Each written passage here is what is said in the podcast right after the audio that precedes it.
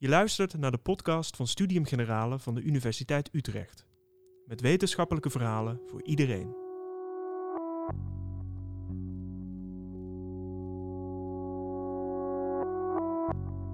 Vrijwel alle klimaatwetenschappers zijn het erover eens. Klimaatverandering wordt door de mens veroorzaakt.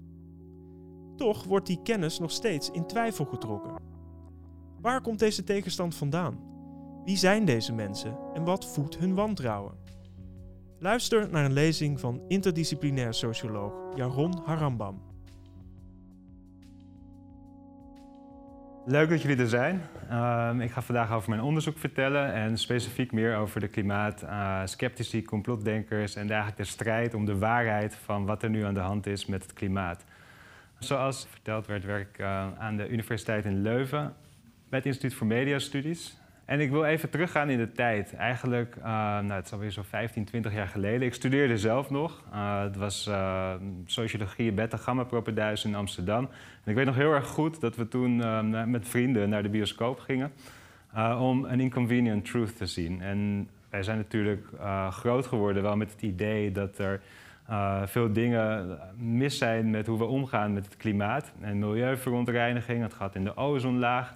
Maar deze film was echt een uh, soort van eye-opener uh, en een baanbrekend, uh, een emotioneel appel ook over het punt in de geschiedenis waar we nu staan. Dat sinds de industriële revolutie we, zijn, ja, we zoveel CO2 zijn gaan produceren dat er echt iets mis is en dat er grote fundamentele veranderingen plaats gaan vinden in onze wereld. Um, en ja, de, het was zo interessant omdat we daardoor eh, ja, eigenlijk echt over dit onderwerp gingen spreken. En je zag ook dat in de publieke opinie dit wel een soort van, uh, nou ja, een, een, een, moment was, een kantelpunt eigenlijk in hoe er over het klimaat gedacht werd. Um, ik weet ook nog dat we in die tijd wel dachten van ja, het is wel heel erg leuk en aardig om dit te horen.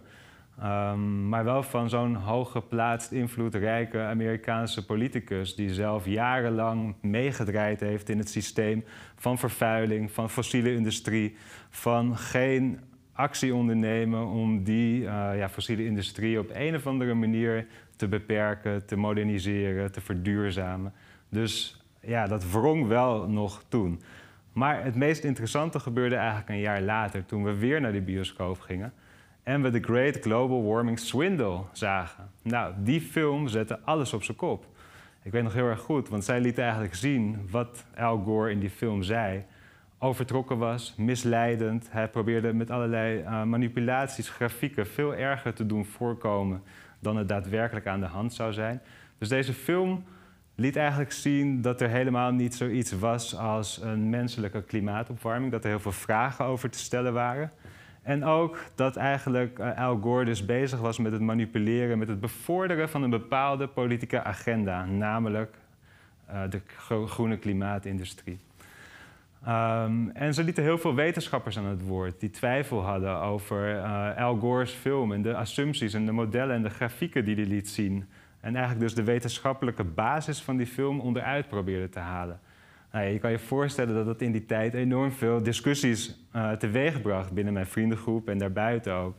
Uh, eigenlijk is dit het moment dat de discussie over klimaatopwarming en of het wel echt is en of het wel door ons komt, uh, op de maatschappelijke agenda gezet werd.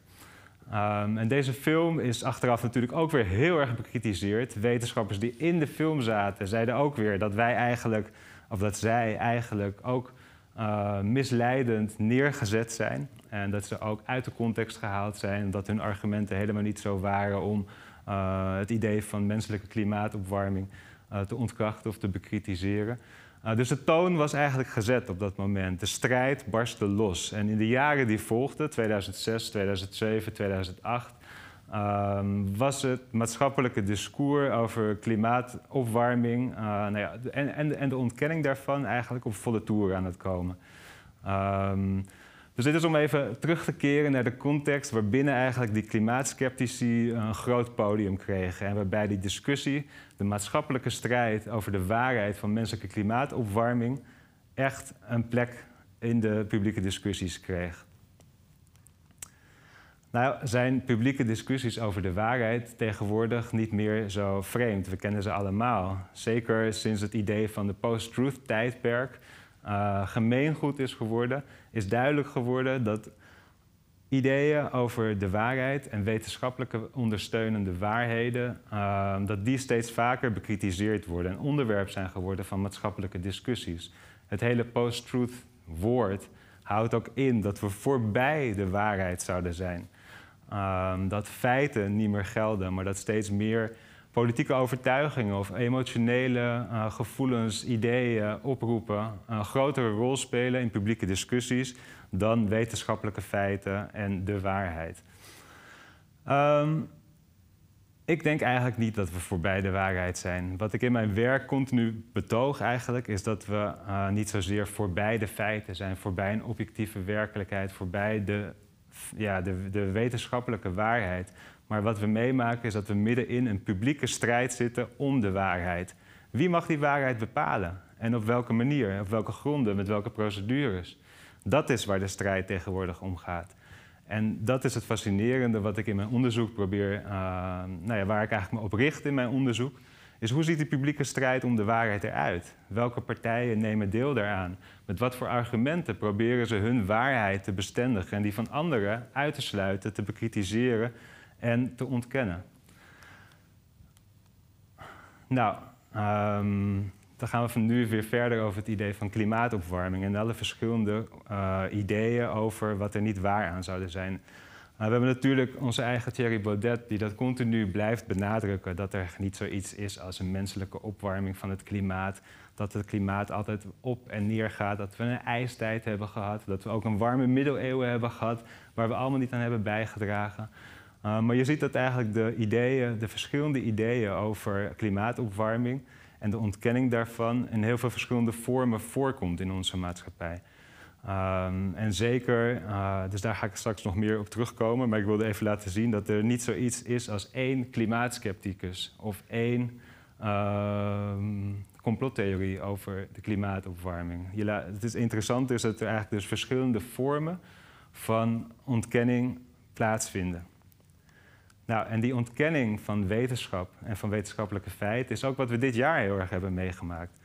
Sinds de coronacrisis echt een grote vorm heeft aangenomen en die pandemie zich over de wereld heeft verspreid, zag je eigenlijk meteen dat er allerlei vragen, twijfels, verdenkingen over de waarheden die wij door de media, wetenschap en politiek gepresenteerd kregen, dat die op allerlei manieren uh, ja, ontkracht werden of uh, verdacht gemaakt werden of niet geloofd werden. Nou, dus ik heb daar natuurlijk, uh, ben ik daarop ingedoken. Het zijn gouden tijden, want het is ook in een crisis helemaal niet zo duidelijk wat er nou eigenlijk echt waar is. Um, zo zijn er meteen twijfels ontstaan over waar dat virus nou eigenlijk vandaan komt. Is het wel die markt in Wuhan waar dat virus is overgesprongen? Of is het niet eigenlijk uit het laboratorium, het Wuhan Institute of Virology, het grootste Chinese laboratorium op het op het gebied van virologie, is het daar niet eigenlijk uit ontsnapt? Was het geen geheim biowapen van de Chinezen? Of was het misschien de Amerikanen die het juist daar losgelaten hebben om de Chinezen in een kwaad daglicht te plaatsen? Ook al snel ontstonden er ideeën over uh, de rol van 5G bij de verspreiding van COVID-19-symptomen.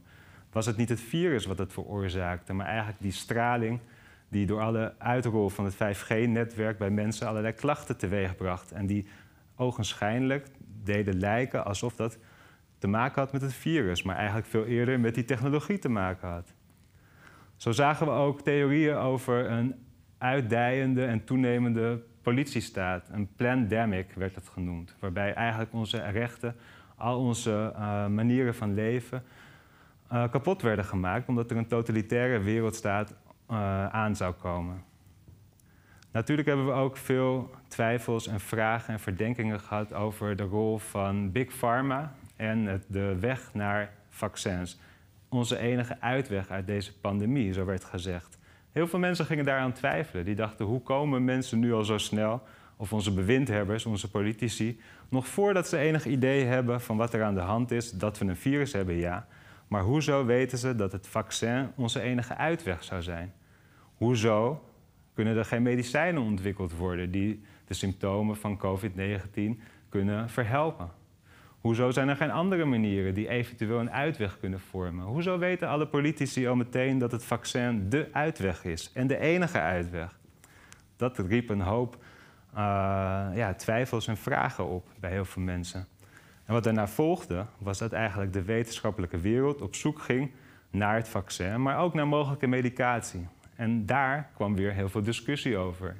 Een mooi voorbeeld is hydroxychloroquine, wat een bestaand middel is en door bepaalde wetenschappers gezien werd als een medicijn dat heel goed zou werken bij COVID-19-patiënten. Trump ging er ook mee aan de haal. Die zag ineens een kans om een ander idee, uh, een ander medicijn naar voren te brengen en als oplossing te kunnen presenteren. Want hij zag zich natuurlijk ineens in een crisis die hij niet kon oplossen. Dus het was een mooi wondermiddel wat ineens kon helpen. Dat idee dat er een soort van wondermiddel zou zijn, leefde enorm sterk in allerlei verschillende alternatieve subculturen, waaronder de complotdenkerswereld die ik bestudeer. En je zag dat eigenlijk die wetenschap zich daar nog geen raad mee wist. Want er werden allerlei nieuwe trials ontwikkeld, er werden allerlei nieuwe onderzoeken gedaan en dit werd natuurlijk ook mee onderzocht. Maar je ziet dus eigenlijk hier dat er een soort van politieke strijd ontstond, ook tussen verschillende groepen wetenschappers, over het nut en de effectiviteit van deze medicijnen. Uiteindelijk is nu de tussenstand, en we weten niet waar het gaat eindigen, dat de hydroxychloroquine nou niet zo goed werkt en misschien zelfs gevaarlijk is. Maar, zeggen andere wetenschappers weer, jullie hebben het niet geprobeerd bij mensen die nog maar net begonnen zijn met, deze medica of met de, met de COVID-19-symptomen. En als we het namelijk met een antibiotica, azithromycine en zink geven, dan kan het misschien wel goed werken. Maar die onderzoeken worden weer niet uitgevoerd, zeggen ze. Nou, en dan hebben we natuurlijk theorieën over Bill Gates, die met deze vaccins eigenlijk bezig is om de wereldbevolking te decimeren, ons te steriliseren met die vaccins en ons te kunnen surveilleren omdat die chips in zich zouden hebben. Het interessante is dat deze ideeën vaak worden weggezet als idioot, ridicuul, onwaarschijnlijk en gek. Maar vaak is het eigenlijk niet zo makkelijk aan te tonen of het echt wel zo irrationeel en gek is. Het interessante was dat over dat idee van waar het virus vandaan komt, of het ontsnapt is uit een laboratorium, op een gegeven moment door gerespecteerde kranten als de Washington Post daar naar voren kwam. Dat journalisten die geheime informatie hadden gehad van Amerikaanse intelligence officers, die dus bij het instituut uh, in Wuhan zijn geweest. En daarom in 2017 uh, vonden dat de veiligheid in dat instituut niet op maat was. En dat is geheim uh, geweest en doorgevoerd naar de Amerikaanse inlichtingendiensten. Die hebben dat naar buiten gebracht. Dus op zo'n moment zie je weer van wat is er eigenlijk waar? Welke geopolitieke spelletjes worden hier gespeeld? Komt het door Trump? Of heeft hij misschien, zit hij misschien wel op het goede spoor en is het daadwerkelijk door de Chinezen ontsnapt? De coronapandemie zijn natuurlijk niet het enige onderwerp waarover complottheorieën zijn ontstaan. Andere ideeën over de waarheid die wij gepresenteerd krijgen door onze machthebbers in de media, de politiek en de wetenschap, ehm, bestaan al veel langer. Ze gaan eeuwenlang terug en je ziet ze opkomen in verschillende momenten van crisissen. Maar ik richt me even op de hedendaagse tijd eigenlijk. En dat je in de afgelopen 20, 30 jaar heel veel verschillende complottheorieën ziet ontstaan. We hebben natuurlijk het bekende voorbeeld van 9-11 en de aanslagen op het World Trade Center in New York. Dat, dat, niet eigenlijk, dat die torens niet ingestort zouden kunnen zijn door die vliegtuigen, maar eigenlijk door termiet en andere explosieven naar beneden zijn gehaald, is een idee wat enorm veel leeft. En wat grote groepen mensen in Amerika, maar ook in Europa aanhangen. Maar het idee van de complottheorie en de thema's waarmee het speelt, van bedrog, intrige, geheimhouding en machtsspelletjes van de elites, komt op veel, veel verschillende vormen in onze cultuur naar voren. Zo zie je ook dat linksonder uh, Lady Gaga en andere, andere grote beroemdheden met de symboliek van het illustere en het esoterische spelen, met driehoeken van de Illuminati. En of ze daadwerkelijk nu dat doen omdat ze geïndoctrineerd zijn of gechanteerd zijn door deze geheime genootschappen, of dat ze hiermee spelen om commercieel gewin te maken, blijft onduidelijk. Maar het is wel iets waar heel veel mensen, en vooral veel jongeren, mee spelen en het enthousiast vinden en er enthousiast mee omgaan. Maar je ziet het ook in de muziek, in de film, maar ook als we het hebben over weer gezondheid, vaccinaties. Een enorm grote groep in onze samenleving. Of enorm grote groep is misschien te, te groot gezegd, maar veel groepen in onze samenleving. Dat zijn niet alleen maar uh, ja, de extreme mensen die ja, nergens meer in geloven en de overheid en de politieke wantrouwen. Je ziet dat op veel verschillende vlakken in onze samenleving naar voren komen. Nou, dus dit is eigenlijk alleen maar om te laten zien hoe de uh, wereld van complottheorieën enorm divers is en op verschillende manieren in onze cultuur naar voren komt. Nou zijn die ideeën niet zomaar aan de marges. Vroeger was het misschien een paar mensen hier en een paar mensen daar. Maar als je de nieuwe statistieken gelooft, dan blijkt dus, zeker in Amerika, maar ook in Nederland, dus even omdat het het mooiste extreme geval is van Amerika, hoeveel mensen daar in complottheorieën geloven. We gaan hier het rijtje af. Dat je ziet dat 50% van de Amerikanen het officiële verhaal van 9-11 niet gelooft. Nou, dan kunnen we nog verder gaan met JFK, de maanlanding en ga zo maar door. We hebben grote groepen mensen in onze samenleving, afhankelijk van hoe je het vraagt, want dit is natuurlijk uh, ingewikkelde cijfers, maar grote groepen in onze samenleving heel veel officiële waarheden niet langer vertrouwd. En ook in Nederland, of hier zie je in de wereld, de klimaatopwarming. Hoeveel mensen daarvan denken dat dit niet door menselijk handelen gebeurt. Ook hier zie je hoeveelheden tussen de 10, 20, 15 en 30 procent. Dat zijn heel veel mensen die twijfelen aan het officiële verhaal van de menselijke klimaatopwarming. Nou, ik pak heel even wat water, want ik krijg een droge stem. Maar naast die populariteit zie je dus eigenlijk ook meteen heel veel paniek. Er is meteen een enorme morele paniek in de media over dit soort gevaarlijke, irrationele, waanzinnige, bizarre, idiote complottheorieën die mensen, uh, ja, die ook allemaal gestoord zijn eigenlijk. Zie je heel veel voortkomen. Dus in de media krijgen we een soort van narratief van hoe kan het toch dat zoveel mensen zulke gekke ideeën hebben.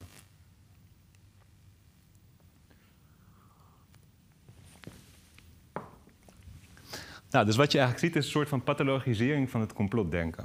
Complottheorieën worden gezien als onwaar, irrationeel, onwaarschijnlijk, gevaarlijk. Complotdenkers worden precies gezien als mensen die het allemaal niet goed op een rijtje hebben.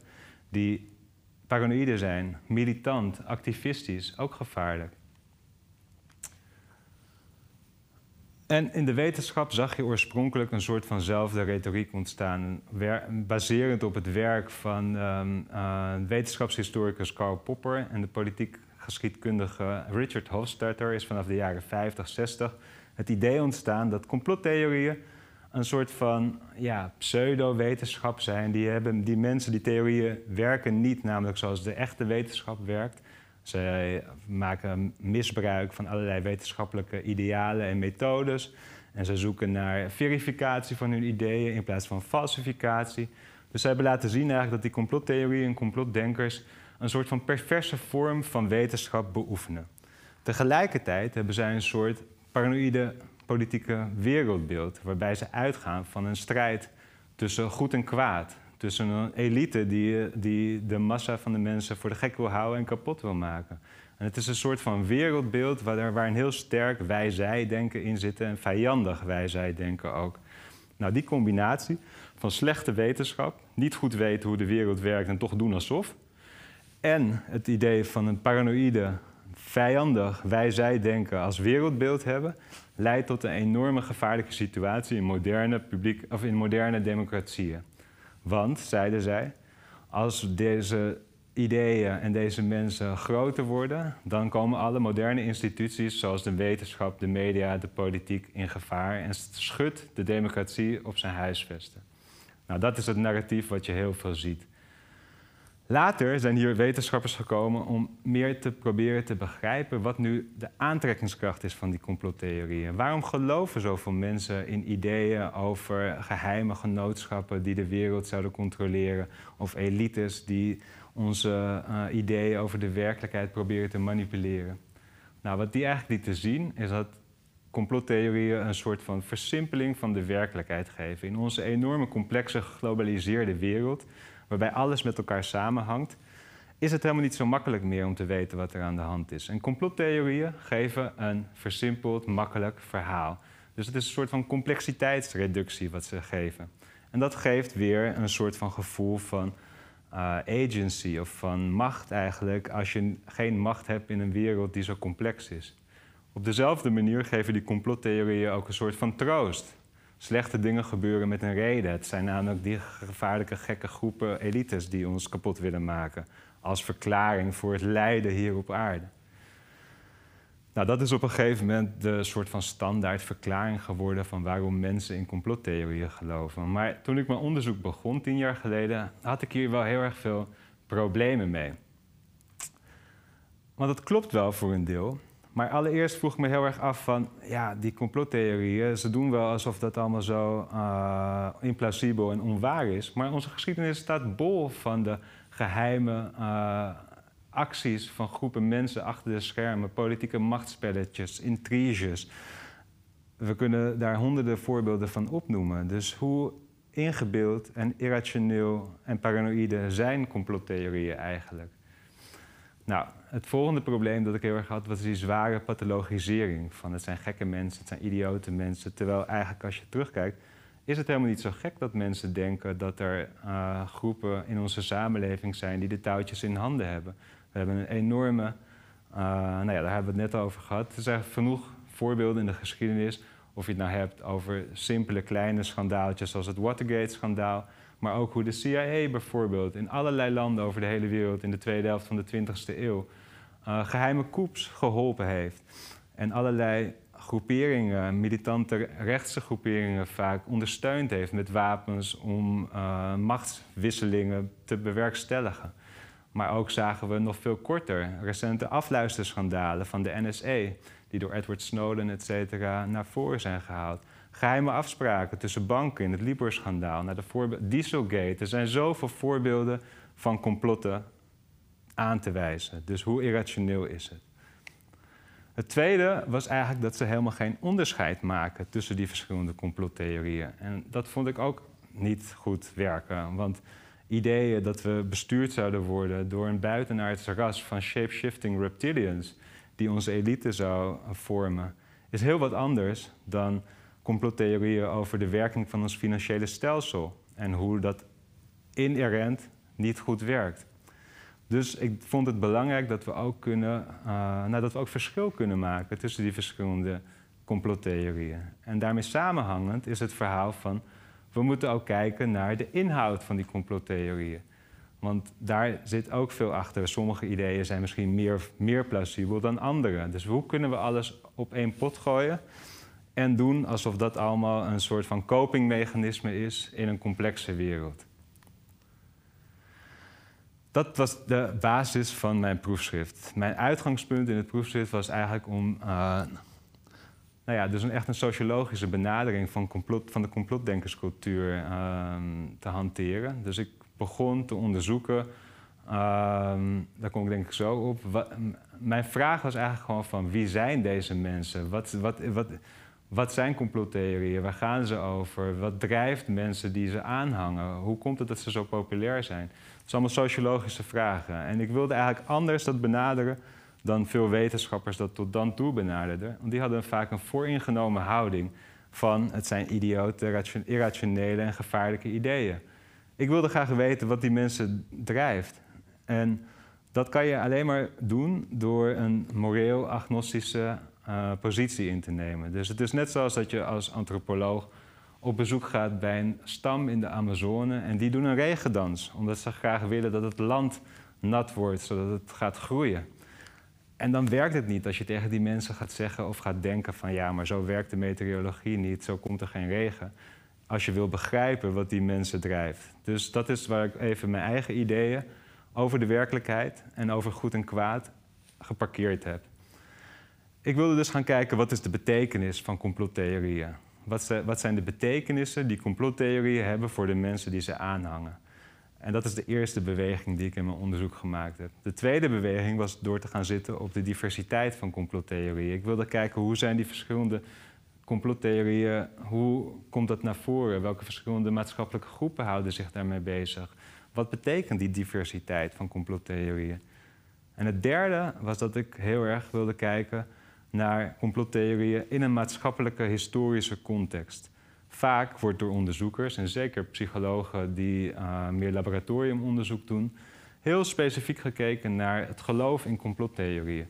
In plaats te kijken naar waar komen die complottheorieën vandaan, in wat voor historische context spelen zij, door welke mechanismes, maatschappelijke mechanismes en structuren worden ze uh, ja, voortgedreven.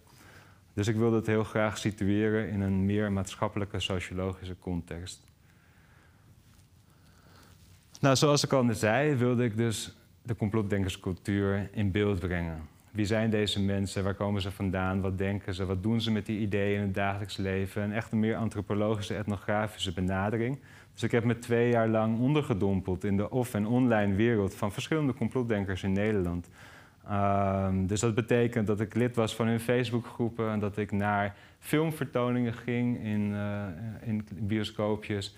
Dat ik meeliep met hun in uh, de aanloop van de Tweede Kamerverkiezingen in 2012.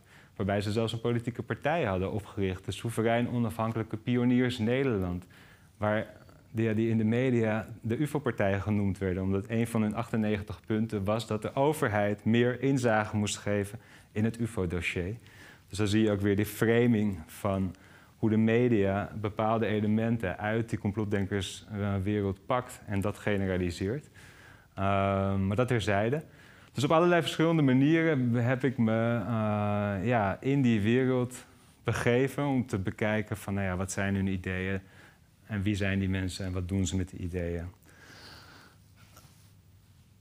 Wat ook vaak dan vergeten wordt, is eigenlijk van wat, wat is dan de, de relatie die dat complotdenken heeft met onze cultuur? En wat zijn de affiniteiten en de conflicten? Waar lijkt het eigenlijk op, onze cultuur? En waar wringt het? Waar is het dit tegenovergestelde? Nou, dit waren mijn onderzoeksvragen. en hier ging ik mee het veld in, op zoek naar uh, ja, allerlei informatie.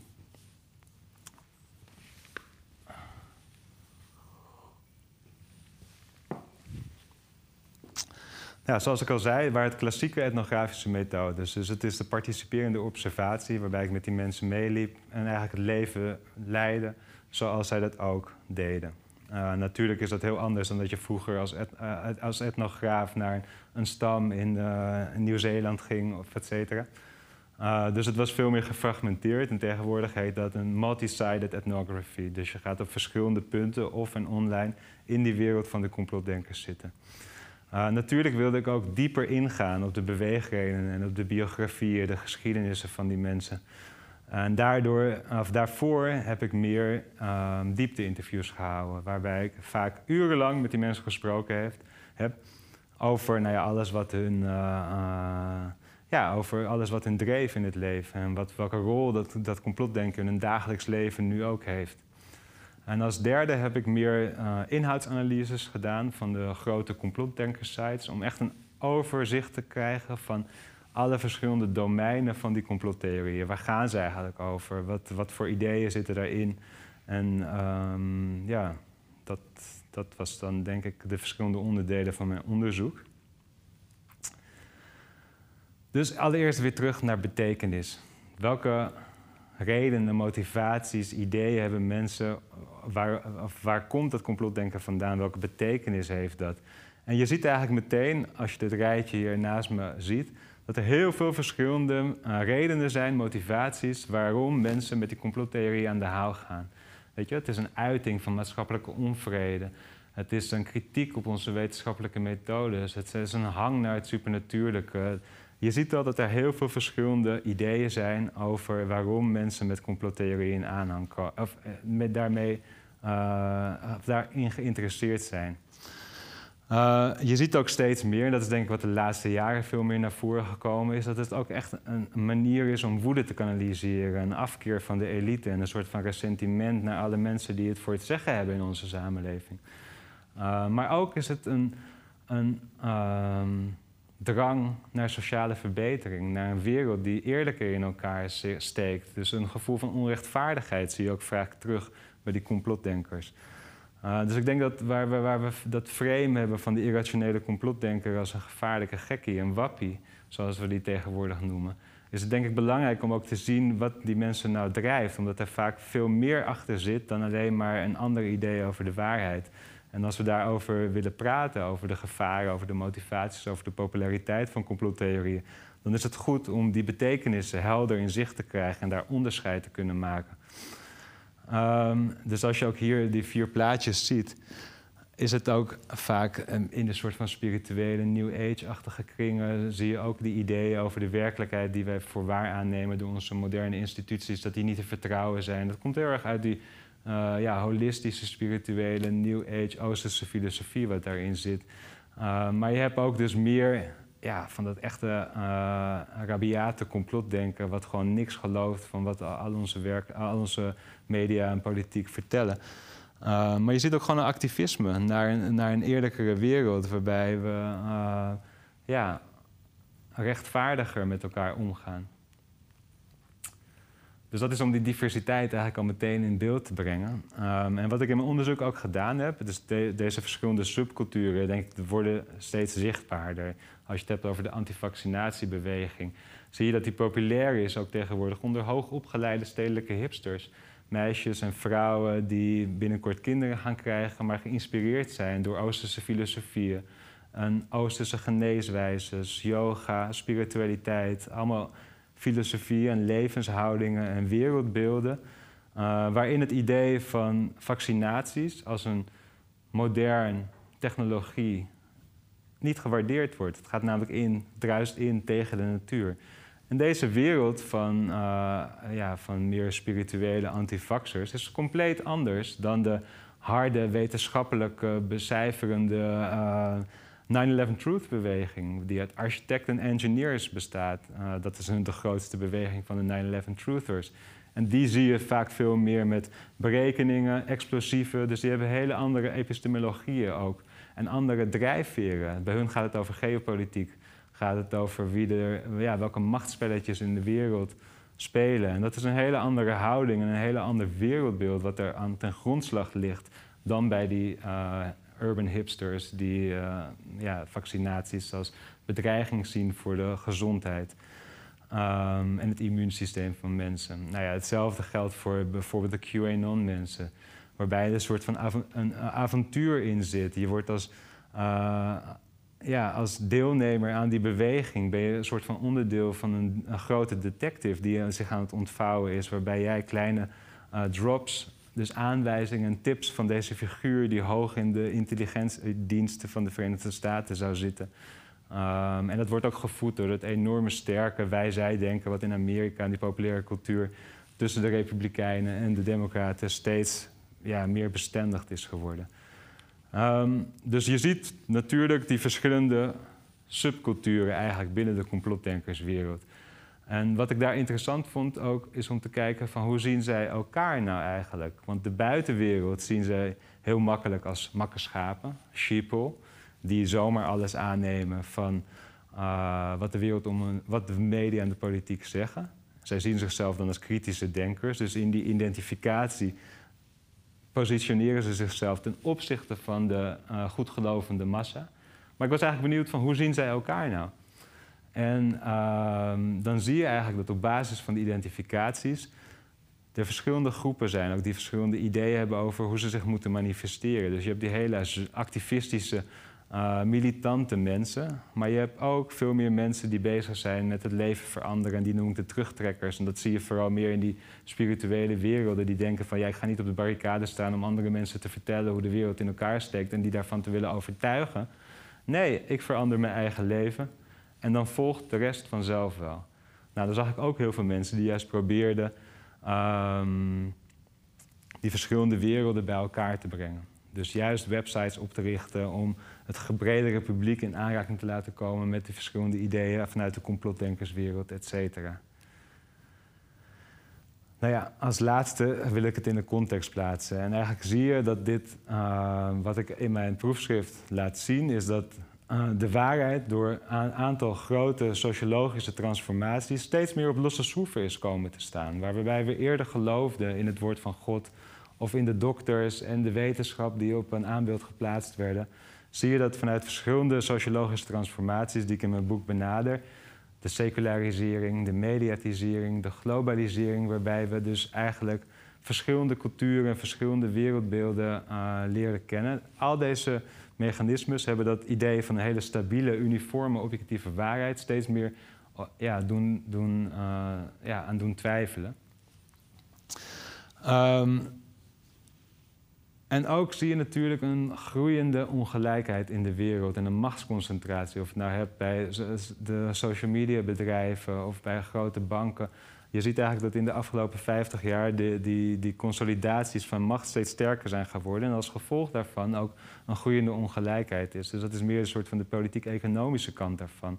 Als we dan hebben over het medialandschap, is dat ook enorm veranderd. Waarbij de vroeger traditionele mediabedrijven het alleenrecht hadden op wat er waar is, zag je sinds de komst van het internet veel meer uh, bronnen ontstaan waaruit mensen konden putten. En het interessante is dat dat eerst in de beginjaren 2000 werd onthaald als een enorme democratisering, waarbij allerlei mensen informatie overal vandaan konden halen en machthebbers niet meer geheime informatie achter konden houden. En sinds eigenlijk de komst van social media zie je dat het narratief helemaal is omgedraaid.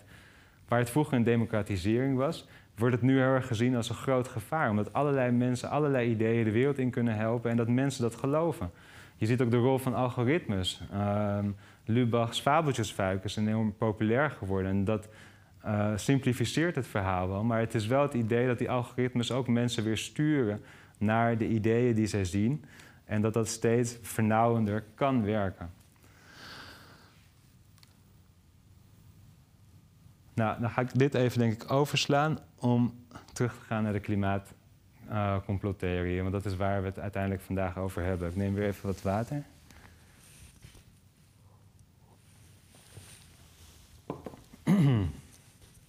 ja, dus die klimaatcomplottheorieën. Uh, Daarvan wordt helemaal gezegd, hoe is het in godsnaam mogelijk als 97% van de wetenschappers zeggen dat de klimaatopwarming door ons komt door ons handelen, door de enorme uitstoot van broeikasgassen in onze samenleving, in onze industrieën.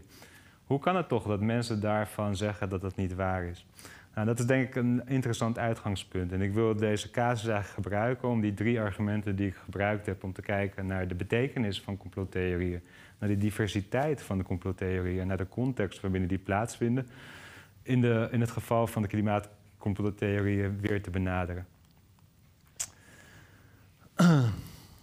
Nou, het idee dat die complottheorieën over meer gaan dan de waarheid alleen, is wat ik echt centraal wil stellen.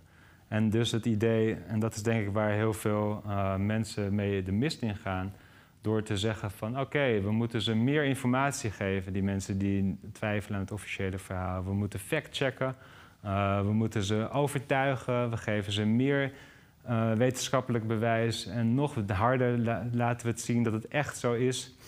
Uh, en dat zie je eigenlijk dat het, eh, dat het helemaal geen effect heeft. Dat het vaak helemaal, helemaal niet werkt. Zeker niet bij de groepen die het meest twijfelen.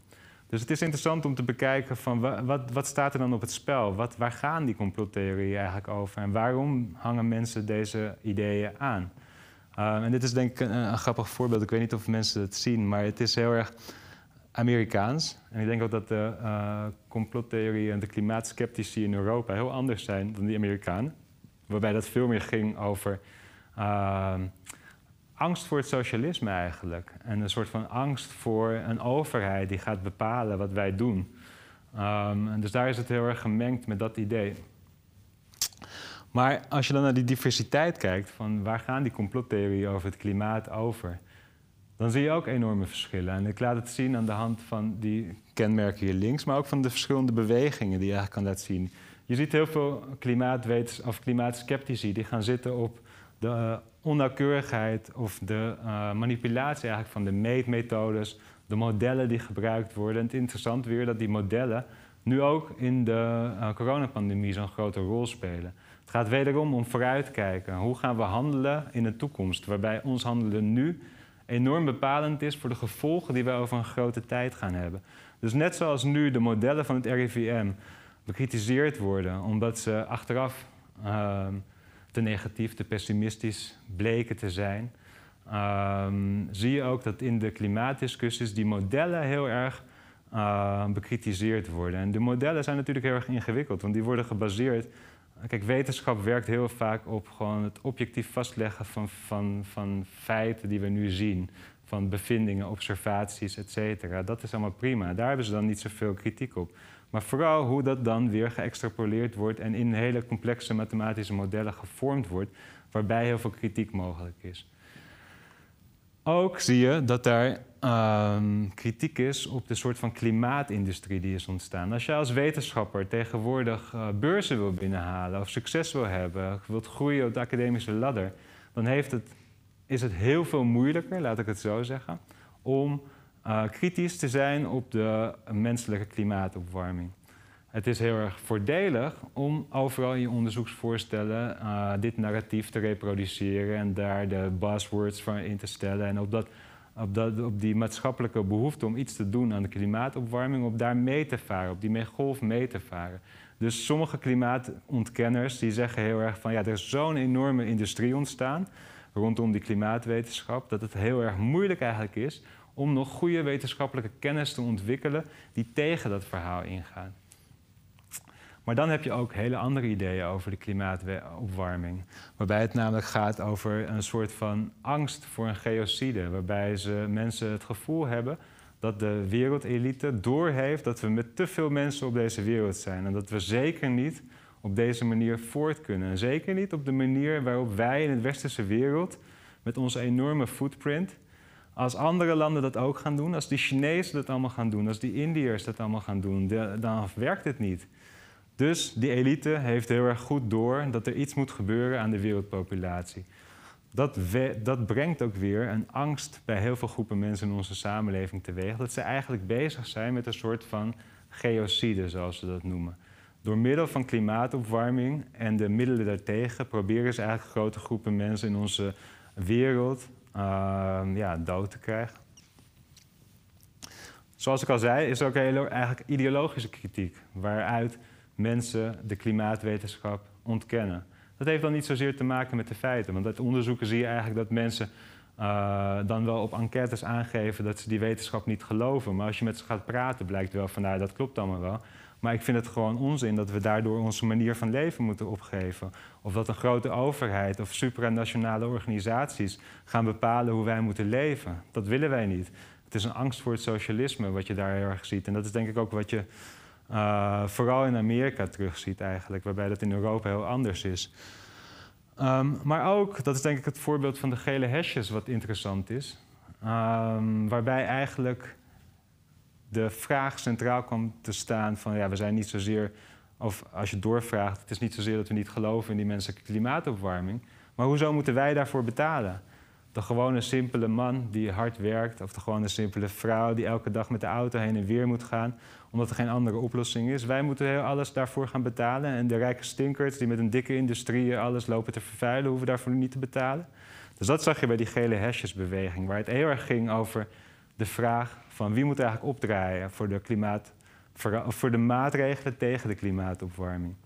dat is ook een narratief wat je misschien terugziet in die meer kringen rondom Forum voor Democratie en Baudet, waarbij die ook heel erg die vraag oproept van ja, hoezo uh, gaan we dat op die manier doen? Dus de oplossingen worden eigenlijk bekritiseerd. Nou, en dan is dit ook nog een interessante context, denk ik. Want wat ik het eerste wil laten zien is het uh, werk van Naomi Oreskes.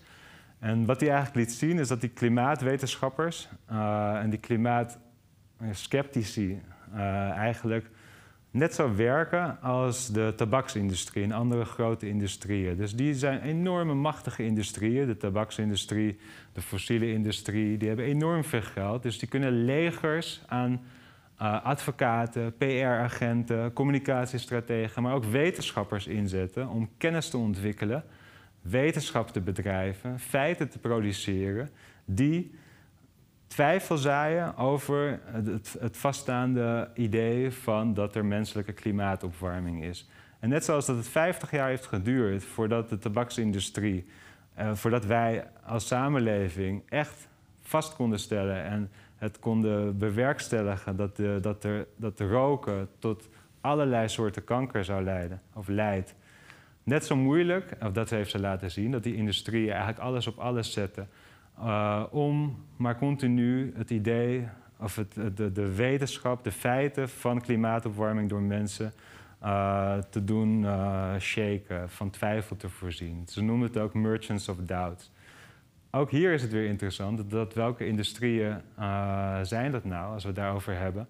We hebben het over de tabaksindustrie, maar ook over de big pharma, die enorm veel geld heeft in het uh, inzetten van allerlei manipulatie van feiten. Datzelfde zie je bij ook de telecomindustrie en nu ook bij de klimaatindustrie. Dus het is interessant ook weer om die parallel te trekken, waarbij mensen bijvoorbeeld 5G-wappies uh, neerzetten. Zie je dat er ook eenzelfde dynamiek plaatsvindt. En dat is niet om te zeggen dat, dat, dat de 5G tot COVID zou leiden, of dat er, maar wel dat, dat je die context van hoe kunnen grote industrieën uh, zoals de telecomindustrie, met al hun geld kennis produceren en twijfel zaaien en het onderzoek naar de effecten van technologieën, van industrieën, um, ja, manipuleren uh, en, en tegenwerken eigenlijk. Dus dat is professioneel twijfelzaaien. Het andere voorbeeld, en dat is weer om twijfel te zaaien in het verhaal wat ik nu vertel, is een heel mooi voorbeeld van, uh, ja, dus dat is, ik ben daar, toen ik uh, tien jaar geleden, nee, vijf jaar geleden in Chicago zat, leerde ik daar een jongen kennen die een promotieonderzoek deed naar de groene industrie. Dus eigenlijk naar de hele beweging van de groene beweging. En zijn boek heette Green Illusions. En dat zette mijn wereld op zijn kop. Want wat hij eigenlijk liet zien in dat boek is dat de groene milieubeweging in de afgelopen jaren eigenlijk ingekapseld is geraakt door grote industrieën weer, die uh, het idee verkopen dat wij door middel van overstappen naar groene energie, windmolens, zonnepanelen, etc., uh, de milieuproblemen kunnen oplossen. Green illusions. En hij zegt eigenlijk van de, de uh, windmolens, zonnepanelen, al die uh, manieren om groene energie op te wekken, kosten nog steeds enorm veel fossiele grondstoffen, fossiele energie om ze te maken, om ze te onderhouden en om ze weer af te breken. Nou, dit, dit jaar is de film van uh, um, onder andere geproduceerd aan de hand van dit boek door Michael Moore uitgekomen. En daarin wordt, zie je eigenlijk weer die oude uh, groene hippies van de jaren 70, 80 die de milieubewegingen oprichten, die ondertussen vriendjes zijn geworden met die enorme rijke miljardairs. Uh, en dat daar een vervlechting van belangen is uh, ontstaan, waarbij die groene milieubeweging helemaal niet meer zo groen bezig is eigenlijk. En dat je dus vragen kan stellen bij, de, bij het idee van zijn we wel eigenlijk is dit wel eigenlijk wat, waar we, ja, is dit wel de goede weg? Is het, klopt het idee eigenlijk wel dat we door middel van die zonnepanelen uit onze milieucrisis gaan komen? En wat ze eigenlijk zeggen van het is veel meer dan alleen maar CO2-uitstoot wat onze wereld kapot maakt. We hebben het over allerlei vormen van milieuverontreiniging. Van onze lucht, van onze voedingsstoffen, van onze grond, van het water, etc. En we hebben nog steeds energie nodig dat idee dat wordt nog steeds niet opgegeven. Dus ik vind het interessant om te zien hoe eigenlijk twee grote uh, tegenpolen zo populair zijn geworden. En het interessante is, wat is er nu waar? Welke kant gaan we op? Hoe kunnen we onze wereld redden? Is dat inderdaad met de groene energie? Nou, dan komen we tegen het einde van uh, deze lezing. En dat is eigenlijk van, uh, ja, hoe kunnen we nou hiermee omgaan? Wat is nou een goede manier om uh, met deze klimaatproblematiek en met allerlei verschillende vormen van wantrouwen naar uh, het officiële verhaal. Hoe kunnen we daar nou mee omgaan? Ik denk dat, dat de verschillende niveaus te onderscheiden zijn. En dat is allereerst het sociale niveau. Vaak wordt er gezegd van ja, maar hoe moet je nou omgaan met zo'n oom die op een verjaardag dan gaat zeggen van ja, die klimaatopwarming dat is allemaal maar onzin, et cetera. Ik ga denk ik daar nu heel erg uh, kort over zijn. Maar wat ik zou uh, willen overbrengen is dat eigenlijk de houding die ik aanneem in mijn onderzoek van vragen, nieuwsgierig zijn. Wat, waar gaat het eigenlijk over? Wat staat er op het spel bij diegene? Dat die vragen veel interessanter en veel productiever zijn dan een soort van wel eens niet een spelletje over de waarheid. Dus met die feiten gaan gooien van ja maar dit, ja maar dat. Dat leidt alleen maar tot polarisatie en dat leidt niet ertoe dat je die ander leert te begrijpen. Um, Wat ook vaak gezegd wordt is dat van ja, die complottheorieën, dat zijn allemaal van die spannende narratieven die met mooie visuals op YouTube worden gegooid en waar je helemaal in wordt gezogen als kijker.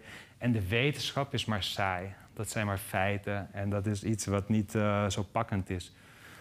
Um, en dan geef ik altijd het voorbeeld van David Attenborough, die juist met zijn documentaires, vooral de laatste paar jaar, dit jaar en vorig jaar, heel mooi en overtuigend en meeslepend de klimaatverandering in beeld heeft gebracht. Dus ik denk ook dat, dat wetenschappers veel meer moeten nadenken over verhalen vertellen. En dat we daarvan kunnen leren van filmmakers, van kunstenaars, van theaterschrijvers, et cetera. Uh, om wetenschappelijke kennis in meer mooie narratieven uh, te kunnen vormen. En het derde is meer op institutioneel vlak. Dus dat je eigenlijk ziet dat verschillende groepen in onze samenleving het gevoel hebben niet gehoord te worden, niet mee te kunnen doen en niet betrokken worden bij grote maatschappelijke veranderingen zoals deze klimaatcrisis eh, van ons gaat verlangen. En ik wil daar het voorbeeld van de burgerplatforms eigenlijk benadrukken, omdat dat juist een ultieme mogelijkheid is om langer met verschillende groepen mensen in onze samenleving met elkaar in gesprek te zijn, verschillende experts te kunnen inroepen en met elkaar te kunnen discussiëren over van wat gaan we nou doen? Hoe gaan we dit oplossen? Wat is een werkbare en leefbare manier om hiermee om te gaan? En in het afgelopen jaar hebben ze dat in Frankrijk, speciaal uh, met het klimaat, de Convention, uh, en dan moet ik even goed zeggen, Convention Citoyenne pour le Climat. En daar hebben ze dus zo'n burgerplatform georganiseerd. En naar aanleiding van de massale protesten van de gele hesjes zie je dat Macron geprobeerd heeft om dus zo'n maatschappelijk debat over de gevolgen en de oplossingen van de klimaatopwarming. Hoe gaan we dat nou aanpakken? Hoe gaan we dat oplossen als land? En dat, hebben ze, dat is denk ik een, ja, een. De vraag is hoe groot de invloed gaat zijn. Het is nu net afgerond. En gaan de politici er naar luisteren? Want dat is denk ik cruciaal, dat bij dit soort burgerberaden... dat daar ook consequenties aan vast worden geplakt. Want anders is het uh, lullen en wel heel leuk... maar dan worden mensen niet gemotiveerd om daadwerkelijk mee te doen.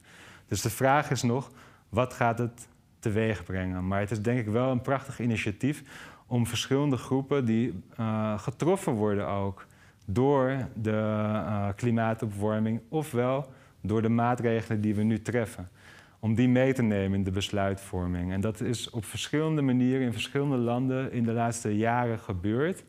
In Taiwan hebben ze dat op een digitale manier gedaan. In Ierland hebben ze dat gedaan rondom hele maatschappelijke controversiële thema's zoals uh, het abortus in het katholieke Ierland en het homohuwelijk. En daar zie je dat dit, die, burgerberaden uh, veel meer begrip en maatschappelijk draagvlak creëren en minder polarisatie. Um, dan bijvoorbeeld als een referendum wordt georganiseerd, zoals je zag met Brexit in Engeland, waarbij er twee kampen ontstaan die elkaar tegen het lijf gaan staan en nooit meer dichter bij elkaar komen. Uh, dus met die noot wil ik denk ik eindigen om, om na te denken over hoe kunnen we nou samen met elkaar de verschillende belangen en ideeën en eh, achtergronden bijeenbrengen en dit op een productieve manier werken naar een betere wereld. Want dat is denk ik de gemeenschappelijke uh, deler die we allemaal hebben. Een betere wereld. Dankjewel.